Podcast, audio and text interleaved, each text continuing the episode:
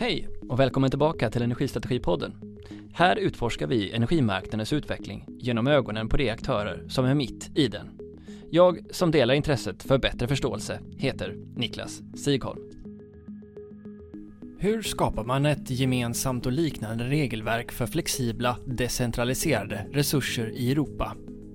Alla kan förstå att elbilstillverkare, värmepumps eller andra hårdvaruleverantörer vill ha samma regler för hur deras resurser kan delta på marknaderna i Europa. Elnäten kommer att behöva kunna tillåta och avropa resurser på ett tydligare sätt framöver. Yvonne Ruwaida från Vattenfall har varit en av Nordens representanter inom DSO Entity i arbetet med att ta fram nätkoden som ska omfatta dessa decentraliserade resurser. Jag gissar att det kommer vara mycket betydelsefullt att förstå det här för att veta vilka förmågor som framtidens elnätsägare behöver leva upp till. Kul att ha er med! Yvonne Rovaida, varmt välkommen tillbaka till Energistrategipodden. Ja, men tack så mycket Niklas och alla lyssnare.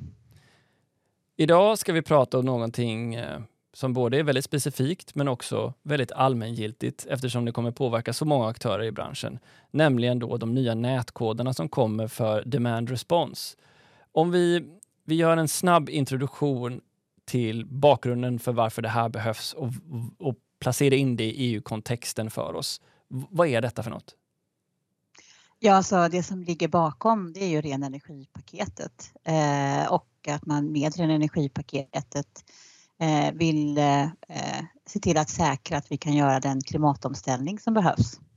Eh, man vill få in mer förnybar energi, man vill också få in nya eh, kunder i nätet, till exempel elbilsladdare och eh, energilager och andra aktörer. Och då har man redan från EU faktiskt kommit fram till att ja, men det är nog viktigt att man helt enkelt har liksom EU-regler som helt enkelt möjliggör klimatomställning. Man ska också komma ihåg att en annan bakgrund eh, till att man gör det här arbetet på EU-nivå det är att man insåg att eh, man behöver samarbeta mer eh, över EU på EU-nivå för att säkra leveranssäkerhet. EU har ju ambitioner om framtiden och för att genomföra dem så kommer vi behöva ha regler som gör att vi kan använda elnätet mer effektivt. Och det handlar om att helt enkelt få in efterfrågeflexibiliteten för eh, att göra olika nyttor för elnätet. Och det som är reglerat hittills det är ju det som rör balansmarknaden. Och det är nya nu eh, att det kommer regler då som handlar om hur vi ska hantera när vi helt enkelt ska använda efterfrågeflexibilitet för att eh, eh, hantera trängsel i näten eller hantera elkvalitet eh, och eh, hur man då gör detta eh, på bästa sätt. Både på EU-nivå men också nationellt. Du jobbar inom en organisation som heter DSO Entity. Kan du förklara vad det är och hur det förhåller sig till NSOE och Acer? Eh, DSO Entity är en helt ny organisation som eh, samlar alla EUs eh, elnätsföretag helt enkelt. Och den har fått i uppgift att tillsammans med NSOE som samlar alla stamnätsbolagen i EU och på uppdrag och i samverkan med Acer eh, som är en reglermyndighet på EU-nivå att helt enkelt eh, jobba med att ta fram reglering på energiområdet. Och då kan man fråga sig varför ska elnätsföretagen eh, ta fram reglering? Jo, för att elnätet eh, är ju någonting som sätter ramarna kan man säga för eh, energisystemet. Och det här rör ju väldigt mycket de arbetsprocesser och arbetssätt som vi som eh, elnätsföretag har. Både eh, på de lägre spänningsnivåerna men också naturligtvis på stamnätet.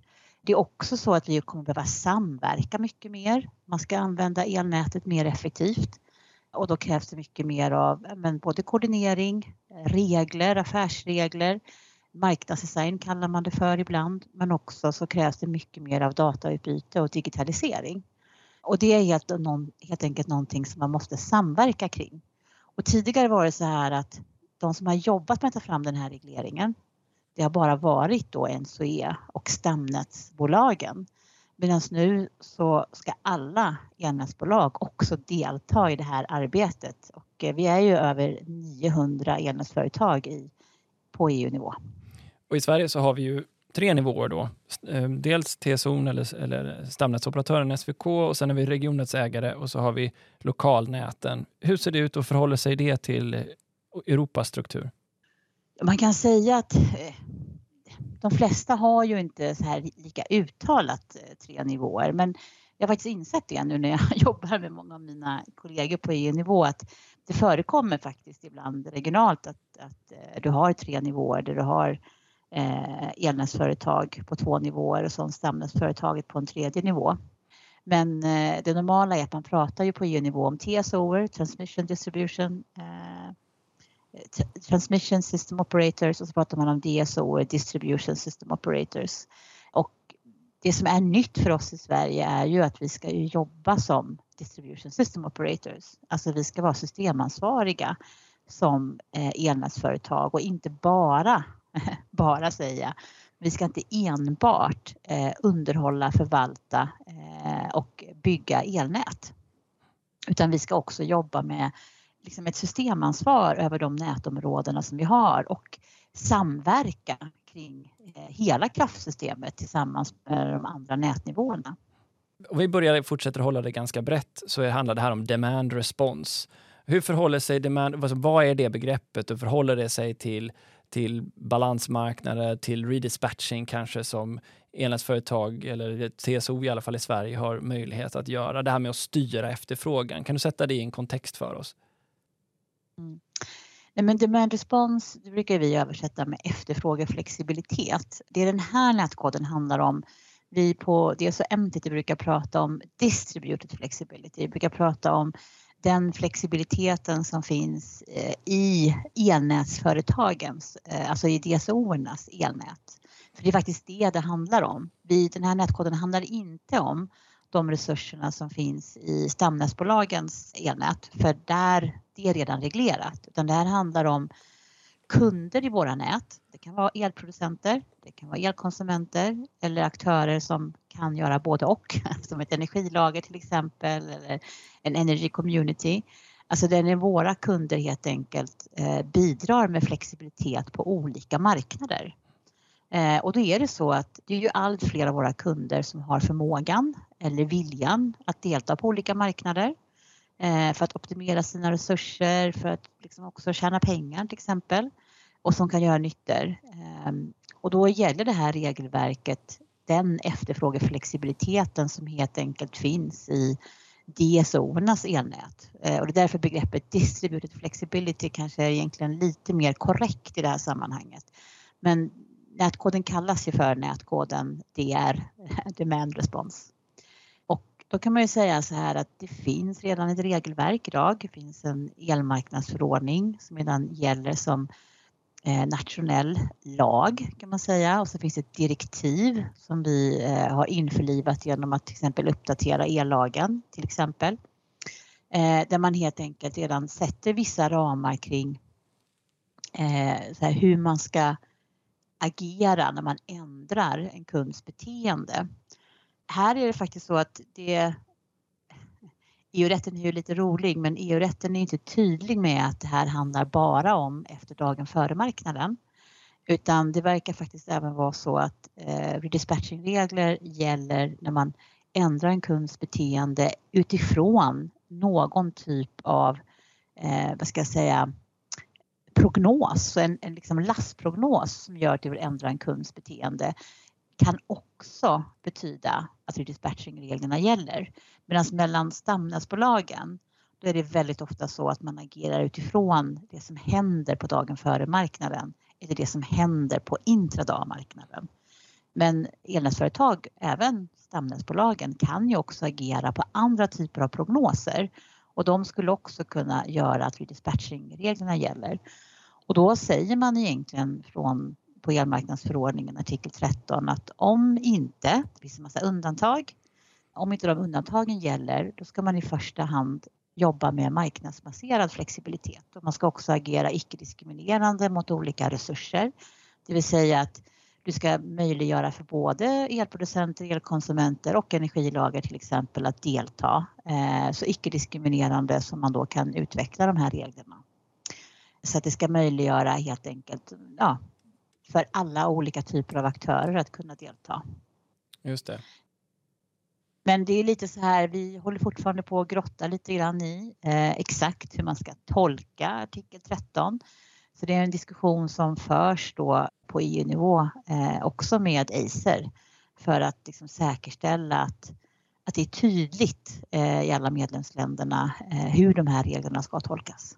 Utifrån ett svenskt perspektiv, du som har ingått i expertgruppen för DSO Entity, vad skulle du kunna skicka med oss för erfarenhet du har fått av Sverige och Europa? Eh, vad är det vi behöver förstå med den europeiska e- elnäten och hur man reglerar dem för att också kunna förstå den här nätkoden?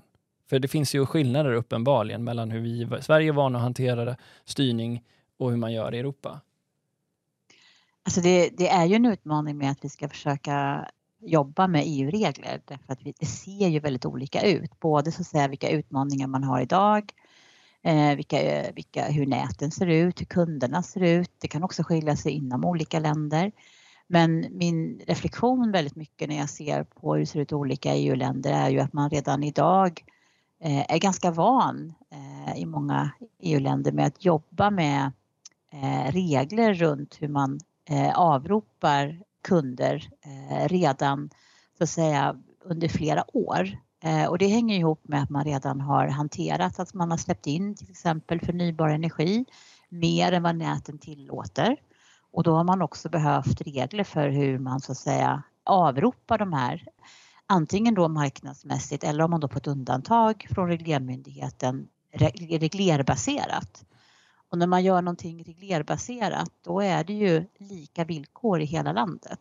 Och då är det beslutade villkor eh, på EU-nivå där känner man att man redan har, liksom, man har en förståelse för de här frågorna som har kommit lite längre än eh, liksom i norra Europa där vi då kanske inte har fått in lika mycket sol och vind och, och eh, lika tidigt som i övriga EU-länder till exempel. Eh, men det gör ju stor nytta när man ska implementera eh, eh den här nya EU-lagstiftningen som kommer eh, som ska implementeras relativt snabbt skulle jag säga. Mm, ge oss lite av tidplanen så vi förstår det. Ja, innan jag går in på tidplanen så skulle jag ändå vilja lägga till här att eh, jag tror ju också att det som jag har upplevt eh, som är ganska intressant är att man redan har satt sig ner mellan nätföretagen och försökt lösa frågor. Så en del diskussioner som vi har eh, i det här nätkodsarbetet, där har man redan där har man redan satt en grund i de här länderna genom att man har nationella regler till exempel om ansvar och kostnadsfördelning mellan nätnivåer när man eh, avropar flexibilitet.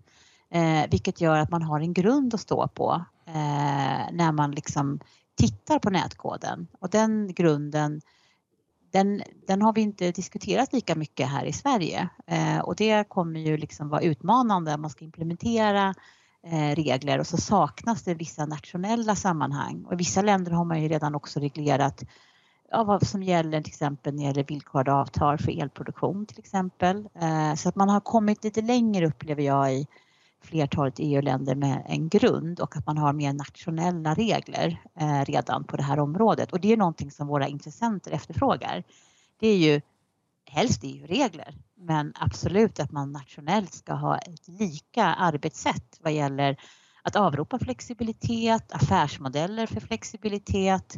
Där efterfrågar man ju liksom eh, lika regler och vi har ju en tradition här i Norden av att det sett olika ut i varenda elnätsföretag och det märker man även här hemma i dialog med aktörer att ska vi Ska vi göra flexibilitet? Ska vi använda elnätet mer effektivt genom att använda oss av flexibilitet oberoende av om det är genom villkorade avtal eller om det är genom marknadsmässiga köp på en marknad så kommer det att behövas mer av eh, gemensamma regler.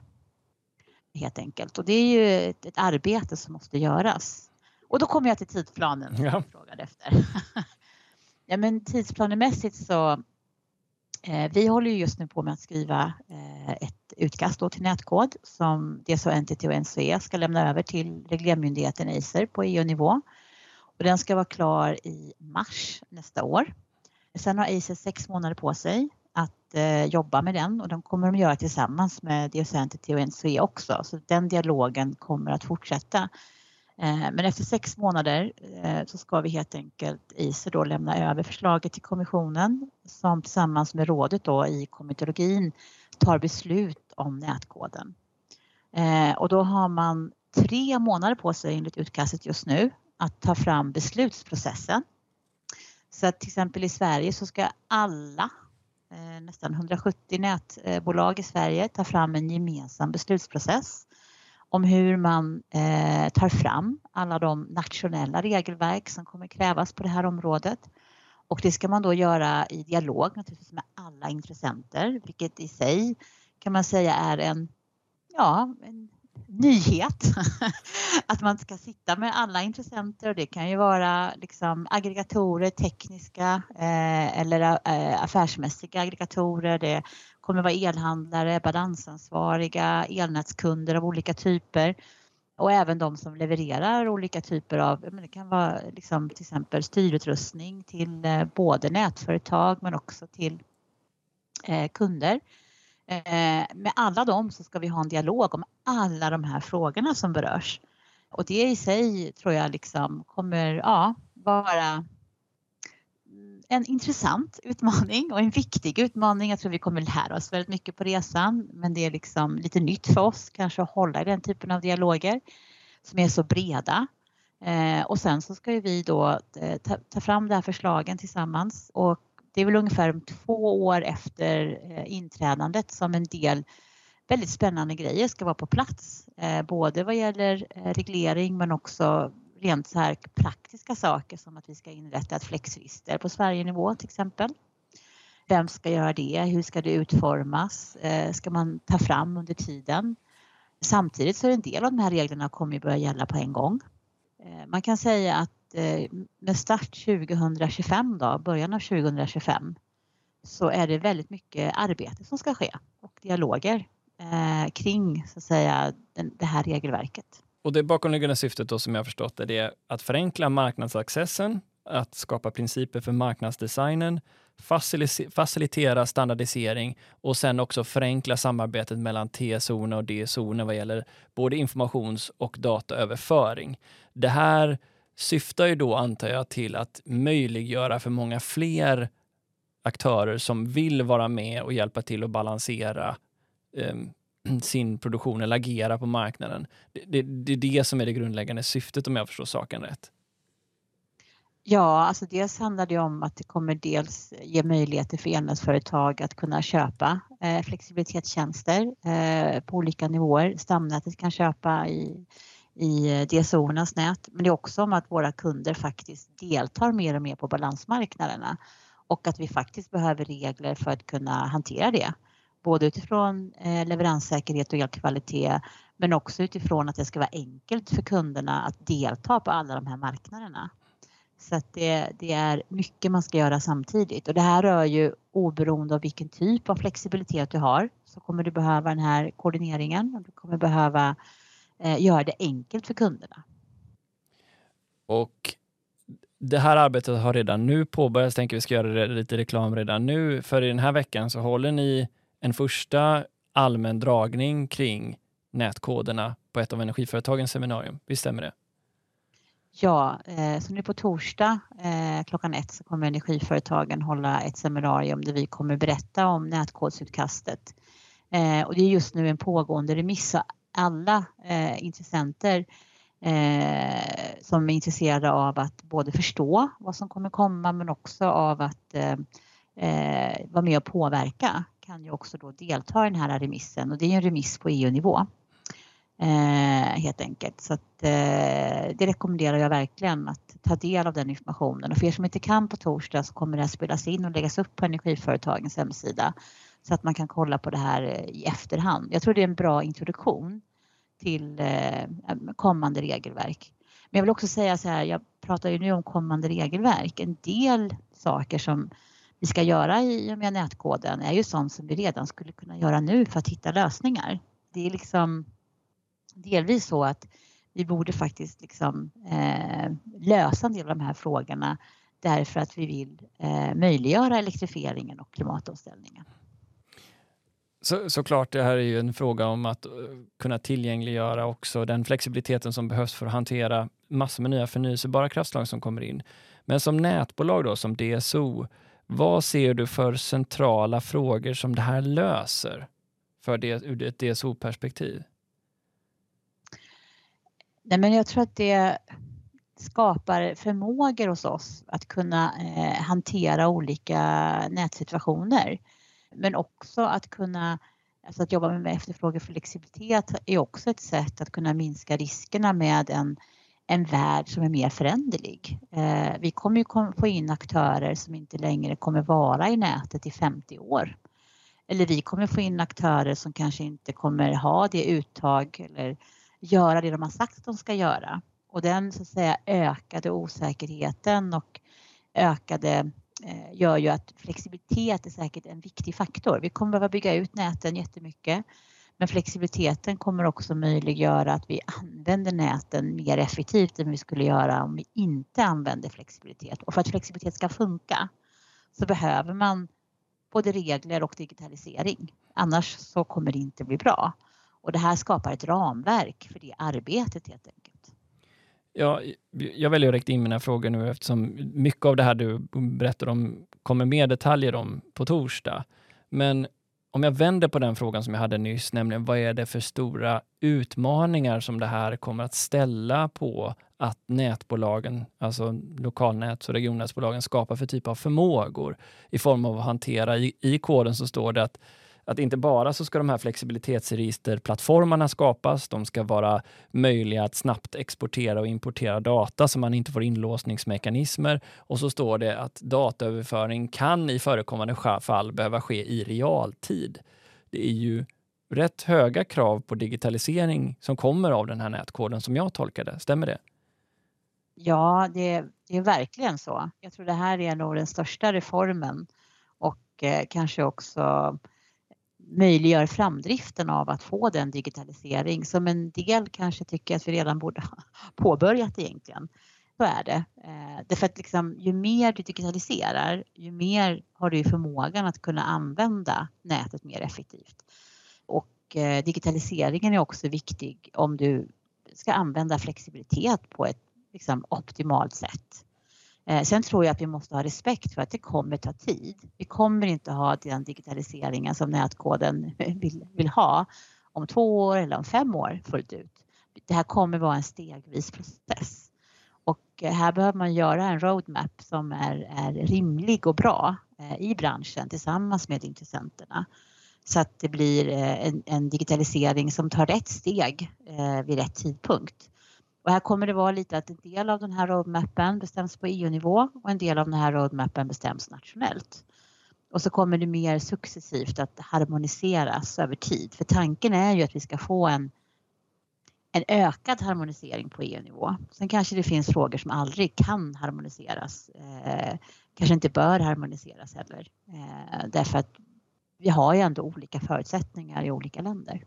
Ja, för det pratade du och jag om någon gång tidigt när du gav dig in i det här uppdraget, nämligen den om hur jag som, eller hur en, en aggregator ska kunna röra sig mellan olika länder och också delta på respektive marknad på olika länder under liknande villkor. I det hela den här utvecklingen av en nationell lagstiftning kring det här, hur förhåller vi oss till den utveckling som nu redan pågår inom EU för att harmonisera? Ja, nej, men alltså jag tycker en av de spännande sakerna, vi har ju, vi som sitter och förhandlar den här koden, vi är 14 stycken. Vi är sju stycken från DSO Entity, varav jag en då och sen är det sju stycken från NSOE. Vi pratar ju med olika stakeholders och det här är väldigt spännande för att vi pratar ju med stakeholders som man inte är van vid att prata med. En av dem är ju bilbranschen till exempel, bilindustrin eh, som faktiskt sitter vid bordet eh, bland annat, och många andra intressanta aktörer och som faktiskt kommer in med perspektiv och säger att vi vill säkerställa att vi kan ha våra elfordon som faktiskt kan delta med Vehicle to Grid i framtiden och kunna göra det ja, sömlöst. Då. det ska liksom vara samma IT, alltså samma liksom kommunikations... Alltså, Open door eh, tror jag ni kallar det va? Är det inte så i, i, i koden? Ja, ja, ja jo, men det ska vara liksom enkelt att kunna delta då som ett elfordon på olika marknader.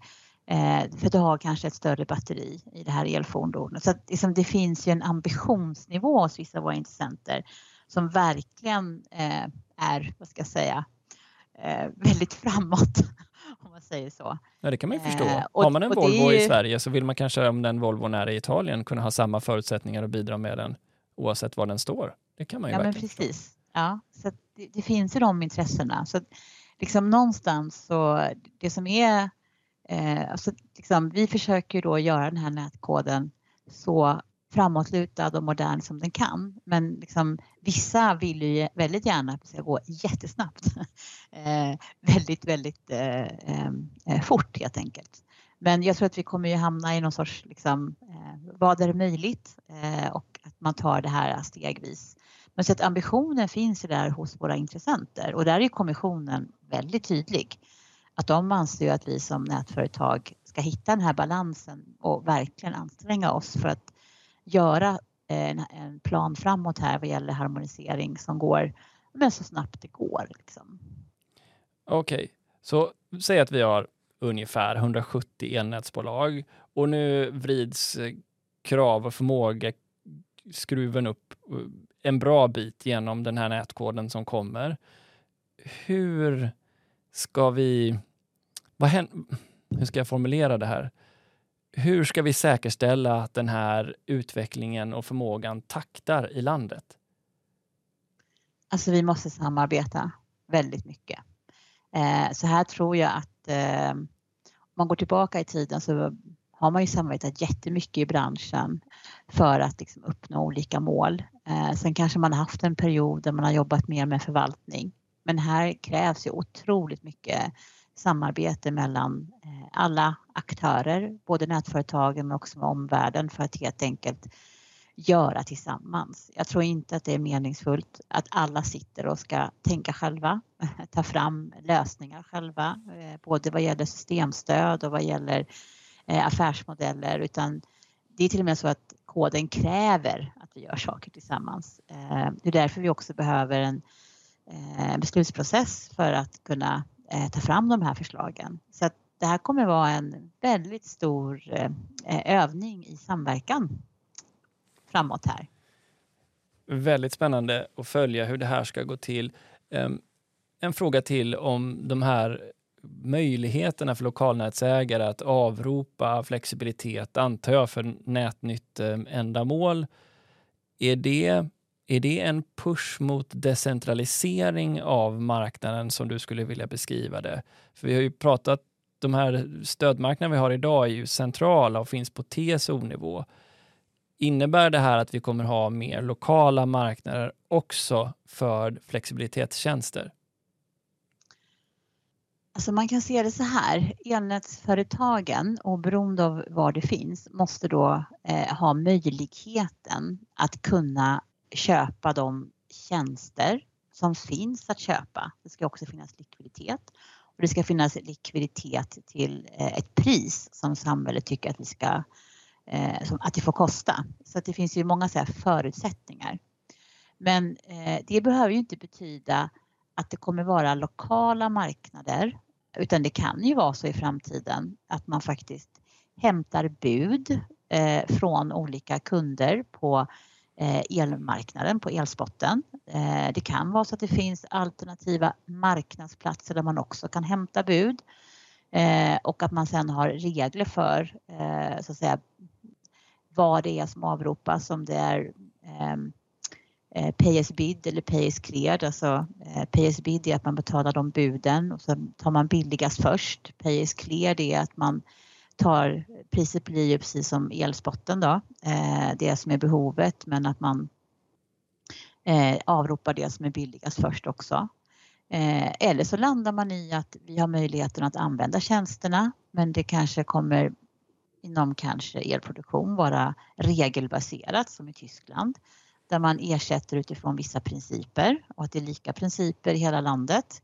Så att liksom exakt hur det kommer utformas, det, det ska vi diskutera tillsammans. Det finns faktiskt inte en, en färdig eh, beställning från EU-nivån eh, utan det är någonting som vi själva får ta fram i vår marknadsdesign. Sen tror jag att vi kommer ju behöva fortsätta göra lärandet eh, lite lokalt Eh, men att man kanske har mer nationella eh, Alltså man gör vissa saker man bestämt nationellt, affärsmodeller, hur man avropar resurserna, vilket protokoll man använder och så vidare. Men att man då successivt kommer hitta mer nationella lösningar. Men om de, hur de ser ut, där finns det ändå en hel del valfrihet. Så att, eh, det kommer bli en spännande dialog framåt hur vi kommer utveckla det här. Eh, sen finns det ju en del frågor som jag vet att, att eh, som berör väldigt många och det är också relationen mellan, mellan villkorade avtal och eh, marknadsmässiga köp. Hur ska den relationen se ut? Här finns fortfarande kan man säga en del skrivningar. Det finns i nätförslaget nu eh, som jag vet diskuteras väldigt mycket i Sverige och även i andra länder. För det är många som ser att villkorade avtal är det som är viktigt att få på plats snabbt för att det är en möjliggörare. Kan man då tänka sig exempelvis att villkorade avtal tillåts vara mer permanenta om också de resurserna ingår i någon form av marknad för att hantera då den resursen? Det är en möjlig teori. jag, jag, ska inte säga att det är något, att hur det ska vara eller hur det inte kommer vara. Vi har vissa länder där man har villkorade avtal med alla kunder men att alla kunder eh, måste delta på en marknad. Eh, och sen avropas de utifrån vissa principer. Så det här har ju genomförts redan i en del länder i förväg och där har man valt lite olika modeller. Medan till exempel i Tyskland vad gäller produktion så har man valt att ha ett regelbaserat system där man ersätter kunden och tar ansvar för balansen när man avropar produktion till exempel. Eh, och då har man en kostnads, man, man baserar eh, vad man ersätter kunden utifrån kostnadsriktighet och sen tar man hand om obalanser som skapas. Eh, så det finns lite olika så att säga, ja, principer för hur det här genomförs idag. Och du vill inte säga mig exakt hur du tycker att det borde genomföras då alltså? Det är inte min uppgift idag. Okej, okay, ja, vad synd. Eh, en, en fråga som jag tänker också som berör många, det är det här att avropa eh, decentraliserade flexibilitetsresurser som det ju nästan alltid handlar om såklart då, mellan DSO och TSO-nivå. Hur reglerar koden den relationen? Det gör den faktiskt inte. Utan koden ger en möjlighet att kunna avropa för alla nätföretag. Så att den säger i princip idag att du ska kunna, om du eh, behöver avropa, då, finns det, då är det de här reglerna som gäller. Men vem har ansvar för att göra ett avrop? Hur fördelar man kostnaden mellan eh, olika nätnivåer om man gör ett avrop? Det är någonting som är en nationell kompetens eh, att helt enkelt ta beslut om. Och det har man redan tagit beslut om i många länder. Man har även tagit beslut om vilket värde Flex har. Alltså där vet nätföretagen alltså vad de får eh, betala för Flex. Man har också liksom tydligt beskrivit eh, regelverket vad gäller villkorade avtal till exempel. Sen kan det fortfarande komma att behöva justeras utifrån nätkoden. Men det här känns det som att en del länder har redan gått före och förstått att man behöver de här reglerna för att lösa problem. Men det som finns i nätkoden är ju att man har man kapacitetsbrist då ska man samordna kring hur man ska lösa frågor eh, utifrån både nationellt regelverk och EU-regelverket. Då. Men här kan man säga att här är man väldigt noga från alla, eh, både DSO och TSO på EU-nivå att säga att man vill inte att nätkoden går in och liksom försöker reglera ansvar eller kostnadsfrågor. Det måste vara nationell kompetens. Och där har man lite olika modeller i olika EU-länder idag. Okej, okay. men åtminstone så ska man veta att om en resurs avropas i ens nät som DSO så ska man veta var den finns, vilka volymer det är vi pratar om. Det ska bli transparens i datan mellan nivåer. Ja, och man ska kunna, till exempel så ska ett, ett elnätsföretag kunna kunna säga nu har vi en begränsning så nu kan inte den här kunden som deltar på balansmarknaden delta. Det ska man kunna göra i driftstimmen, men då ska det finnas regler för hur man gör det och så. Och det, så det finns ju en hel del jättebra förutsättningar eh, för flexibilitet. Idag är det faktiskt så här att vi vet inte som eh, elnätsföretag vilka resurser i våra nät som deltar på balansmarknaden. Eh, vi vet inte, SVK vet inte var de här resurserna finns mer än att de finns i ett elhandelsområde. Eh, och det blir ju en jätteutmaning därför att eh, 15 megawatt, som inte är jättemycket, men 15 megawatt på stamnätsnivå är jättemycket, eh, lite på stamnätsnivå men jättemycket eh, hos ett elnätsföretag det finns ju en hel del förslag här som verkligen skapar bättre förutsättningar eh, Eh, för att använda elnätet och de resurser som finns i energisystemet mycket mer effektivt. Ja, det låter som ett eh, viktigt och centralt område det här att förstå som elnätsägare framåt. Eh, jag tänker mig så här då som en avslutande fråga till dig, den här run-upen till eh, det vidare arbetet, för det är till slut här, det kan jag säga. Vi behöver prata mer om det här. Men men när vi har genomfört de, den här nätkoden på ett sådant sätt att vi har lyckats förenkla marknadstillgången för flexibilitetsresurser. Vi har hittat en marknadsdesign som är transparent, tillgänglig eh, och, och välspridd. Vi har en standardisering i hur man ansluter sig rent tekniskt och vi har, säger nu också i en dröm här, att vi har realtidsdata på allt det här. Vad ser du framför dig eh, som den goda drömmen att vi lyckas med elnäten då? Hur beskriver du den framtidsbilden? Nej, men ja, vi kom, det här kommer ju vara ett redskap för oss att kunna ansluta kunder snabbare än vad vi kan göra idag. Det kommer vara ett redskap för en mer säker drift och att vi faktiskt använder energisystemet, elnätet och energiresurserna eh, mycket mer effektivt än vi kan göra idag. Det, är också, det finns också regler här som handlar om att man ska kunna delta på flera marknader samtidigt. Man ska inte kunna få betalt dubbelt, men man ska kunna delta på olika marknader samtidigt. Det är också jätteviktigt för att vi ska använda resurserna effektivt. Så det, det, finns ju en effektivitetstanke här som, som är väldigt positiv. Och sen tror jag att den digitalisering som vi så att säga måste genomföra med de här koderna, den kommer ju bidra till en ökad kunskap och förståelse. Där vi idag har lite liksom kanske inte digitaliserat så mycket som alla andra branscher har gjort. Men eh, nu kommer vi behöva göra det. Mm. Du Yvonne, tack för den här run-upen. Tusen tack för att du tog dig tid och så får vi höra ja. mer på torsdag då. Absolut, så välkomna på torsdag till Energiföretagens webbinarium. Jag tillsammans med några kollegor eh, från Energiföretagen kommer berätta om, om hur nätkodsutkastet ser ut. Tack.